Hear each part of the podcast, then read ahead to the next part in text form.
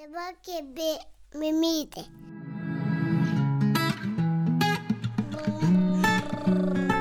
Kalba mama.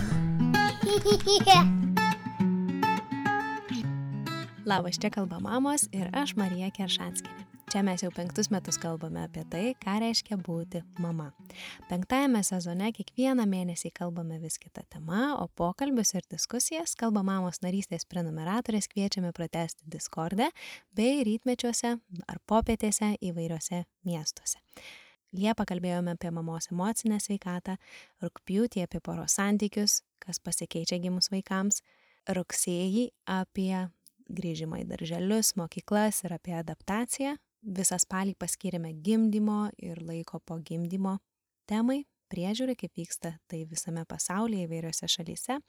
Ir tęsime tos pokalbius kiekvieną mėnesį pasidalindami bent vieną istoriją iš kokios nors kitos šalies. O lapkritį kalbam apie netektis, apie iššūkius, krizės, apie persileidimą, nevaisingumą. Tad jei šios temos yra aktualios, įdomios ir šiuo metu tau svarbios, prisijung prie mūsų bendruomenės. Čia rasi jau virš 70 pokalbių pačiomis įvairiausiamis temomis. Visą informaciją apie mūsų narystę rasi kalbamamos.lt. O šiandien dalinuosi pokalbiu su krizinio neštumo centro įkūrėja, penkių vaikų mama Zita Tomilinėne ir centro psichologe, keturių vaikų mama Rūta Mitskevičiane. Taip kartais nutinka, kad ilgai kam nors ruošiesi, ruošiesi, bet įvyksta tai būtent tada, kada tikriausiai ir yra tinkamiausias laikas. Taip man atrodo nutiko ir šį kartą. Ir nors Zitą pakalbinti norėjau nuo tinklalaidės gyvavimo pradžios, nes manau, kad krizinio neštumo centro veikla yra beprotiškai reikalinga, svarbi.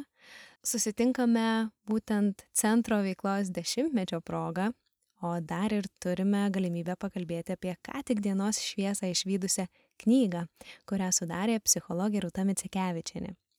Šioje knygoje užrašyta 30 moterų istorijų, kurios kreipėsi į krizinio neštumo centrą ir sulaukė pagalbos. Plačiau apie knygą tikrai pakalbėsime dar pokalbio metu.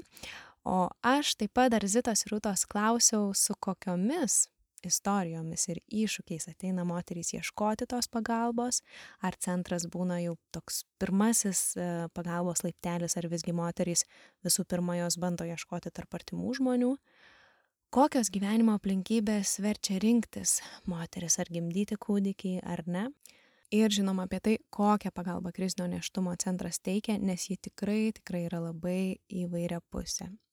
Per dešimt centro veiklos metų gimė virš 600 kūdikių, kurie galbūt būtų negimę, bet gimė ir auga apsupti meilės, nes moterys sulaukė pagalbos ir paramos ir net ne tik pirmoms dienoms, bet net pirmiems porai metų. Taip pat klausiau, kaip vyksta savanorystė centre, nes šiuo metu yra apie 70 savanorių įvairių sričių specialistų, kurie net lygintinai teikia pagalbą į krizę patekusioms ir su iššūkiais susidūrusioms moteriams. Ir taip pat man visuomet norisi paprašyti paberti išminties perlų tų moterų, kurių motinystės stažas jau yra gerokai ilgesnis nei mano, nes iš kiekvienos tos istorijos žinau, kad galėsiu pasičiupti kažką vertingo ar tinkančio, įkvepiančio, galbūt primiršto savo. Tikiuosi, kad tą padaryti pavyks ir tau. Kviečiu klausyti ir susitikti pasidalinimams, diskusijoms Kalba mamos Discord'e. Tai vis ruošiamės, ruošiamės, tikrai ne vieną kartą vis dernom tą pokalbį ir viskas nors sutrukdydavo, bet šiandien sustinkam labai gražią progą jūsų centro dešimtmečio, ar ne, gimtadienio progą. Taip, dešimt metų spalio 14. Ar ta diena būtent yra ta, kai įkūrėt centrą? Taip, būtent įsteigėm penkios moteris. Nuėjom pas notarą ir pasirašėm steigimo sutartį.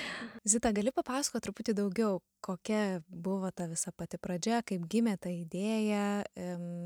Dar man, žinai, tokia mintis atėjo, kad mes dažnai, kai būnam paaugliai ar ne, arba mm, paskutinėse mokyklos klasėse galvojam, kuo mes būsim, ką veiksim gyvenime, kuo užsimsim, kur čia stoti ar ne, ką studijuoti, kokia ta svajonių profesija.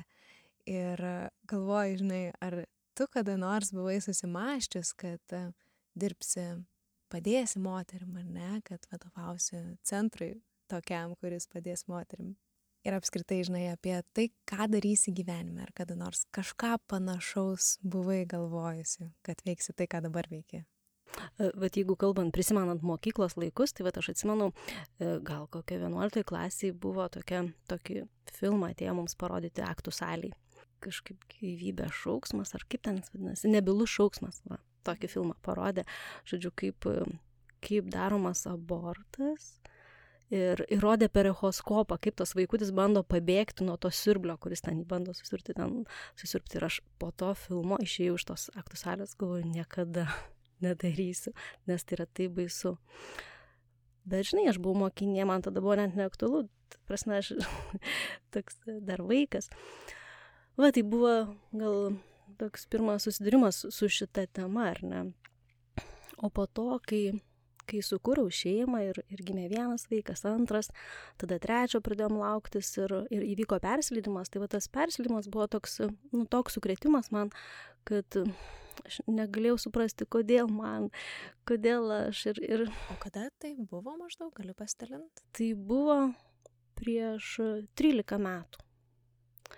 Prieš 13 metų ir mes uh, tą dieną, uh, atrodo, lapkričio ten yra 26 yra negimusio vaiko diena ir mes su kitom moteriam susitikom, nu, vat, kurios irgi patek, e, patyrė perslydimą į tokį kaip ratelį pasidalinti savo to, to, tais praradimais ir skausmais ir iš tikrųjų ten visos verkiam, klausydamos vienos kitos istorijas.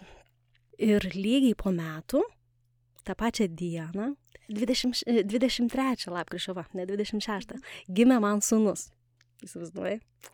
Ir tai buvo man toks Dievo ženklas, kad kaip, na, Dievas man sugražino tą vaiką, kurio netekau ir, ir būtent per tą pačią dieną, negimusio vaiko dieną, nu, tai kažkas tokio.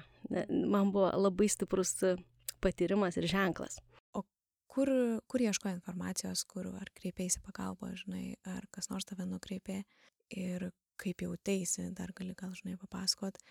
Mm, man įdomu labai, ar kažkas stipriai pasikeitė per tuos keliolika metų, būtent kalbant apie informacijos radimą, jos ieškojimą, žinai, nes mes vis dar ir šiandien, žinai, kalbam, kad mažai apie tai kalbama yra.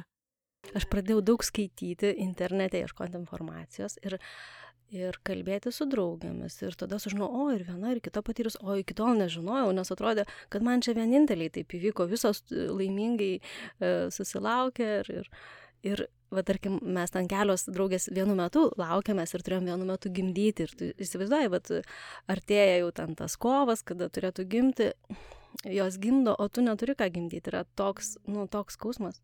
Bet irgi vėlgi tas iš tų stebuklų lauko, kad tą kovą, kai turėjo gimti e, vaikelis, tai realiai jis buvo pradėtas, naujas vaikelis mano iššiose, tą patį kovą.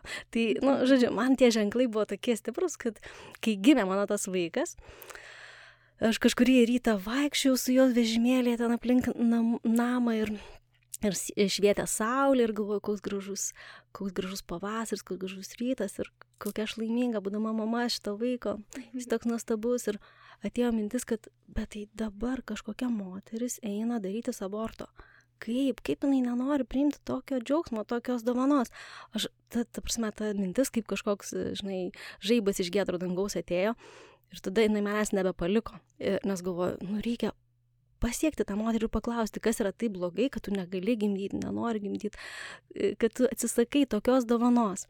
Važau, kur ieškoti tų tokių moterų, nes mano rate ten visos labai džiaugdavosi, jeigu laukėsi, kad ir ten trečią vaiką ar ketvirtą, nu, nes tai yra krikščioniškų ten šeimų ratas ir, ir žinia apie, apie, apie naują gyvybę, naują vaiką paprastai yra gera žinia. Ne? Va ir tada pradėjau irgi ieškoti informacijos apie abortą, apie pagalbą, apie ką moteris patiria po aborto, ko aš net neįsivaizdavau. Ir iš tikrųjų radau daug informacijos, kokias kančias išgyvena. Ir tada aš pagalvojau, tai ne tik tas vaikas, kuris yra abortuojamas, nu, prasme, netenka teisės gyventi ir ten patiria, tarkim, aborto metu kažkokius gal net skausmus priklausomai nuo kurio savaitę, žinai, abortuojamas. Bet ir ta moteris patiria ilgalaikę traumą ir galvoju, nu, kad kažkaip ir jinai dažniausiai to net nežino, kas gali laukti, nes jinai galvoja, kad nu, vat, reikia dabar kuo greičiau išspręsti savo tą keblę situaciją, nes bi, bijau, koks gyvenimas bus po to, jeigu, jeigu pagimdysiu. Ir kartais labai skubotai pasirenka tą išeitį, aborto išeitį, o po to kenčia ilgus metus, negali savo atleisti ir, ir bando atsukti tą scenarijų atgal ir atgal. Ir kiek aš, nu, vat, skaitinėjau visokių ir knygų, radau ir anglų kalbą, ir lietuvių kalbą apie, va, tą ir po, trauminį, po abortinį sindromą ir apie, mm, apie pagalbos visokias grupės užsienyje organizuojamas moteriams. Ir tada galvau, nu, o įdomu, ar Lietuvoje kažkas tokio vyksta ir, ir pradėjau ieškoti. Ir iš tikrųjų Kaune arkiviskupijos šeimos centre sutikau tokią socialinę darbuotoją Aušrą, kuri man papasako, kad jinai jau daug metų būtent tokią pagalbą ir teikia moteriams mm, tiek dėl neplanuoto neštumo konsultavimą, tiek po aborto ir apie Rachelės gino rekolekcijas. Ir tada galvojau, bet, nu, jie ten tik kaune dirba ir galvojau, bet tai reikia visoje Lietuvoje, kad būtų pagalba prieinama. Ir tada pradėjau galvoti, ką reikia daryti, kaip daryti. Kalbinau savo draugės tą temą. Iš tiesų, kalbėdavau mm, nesustodama su draugiam tik tą temą. Kaip, nu, truputį tokia kaip apsesta buvau. Ir Ir taip pritraukiau bendraminčių, kurios sako, taip, tikrai reikia kažką daryti, darom. Ir jos buvo visas skirtingų profesijų, ten vienas teisininkis, kitos psichologės, kitos socialinės darbuotojas, visos mes gilinomės į tą temą, skaitėm įvairius tyrimus, viena buvo medikė. Tai, žodžiu, ir, ir sudarėm, nu, tokį kaip projektą parašėm, e, kaip mes įsivaizduojam tą pagalbos teikimą, kaip pasiekti tą moterį, kokią pagalbą siūlyti. Ir pateikėm Vilniaus miesto savivaldybę ir gavom finansavimą.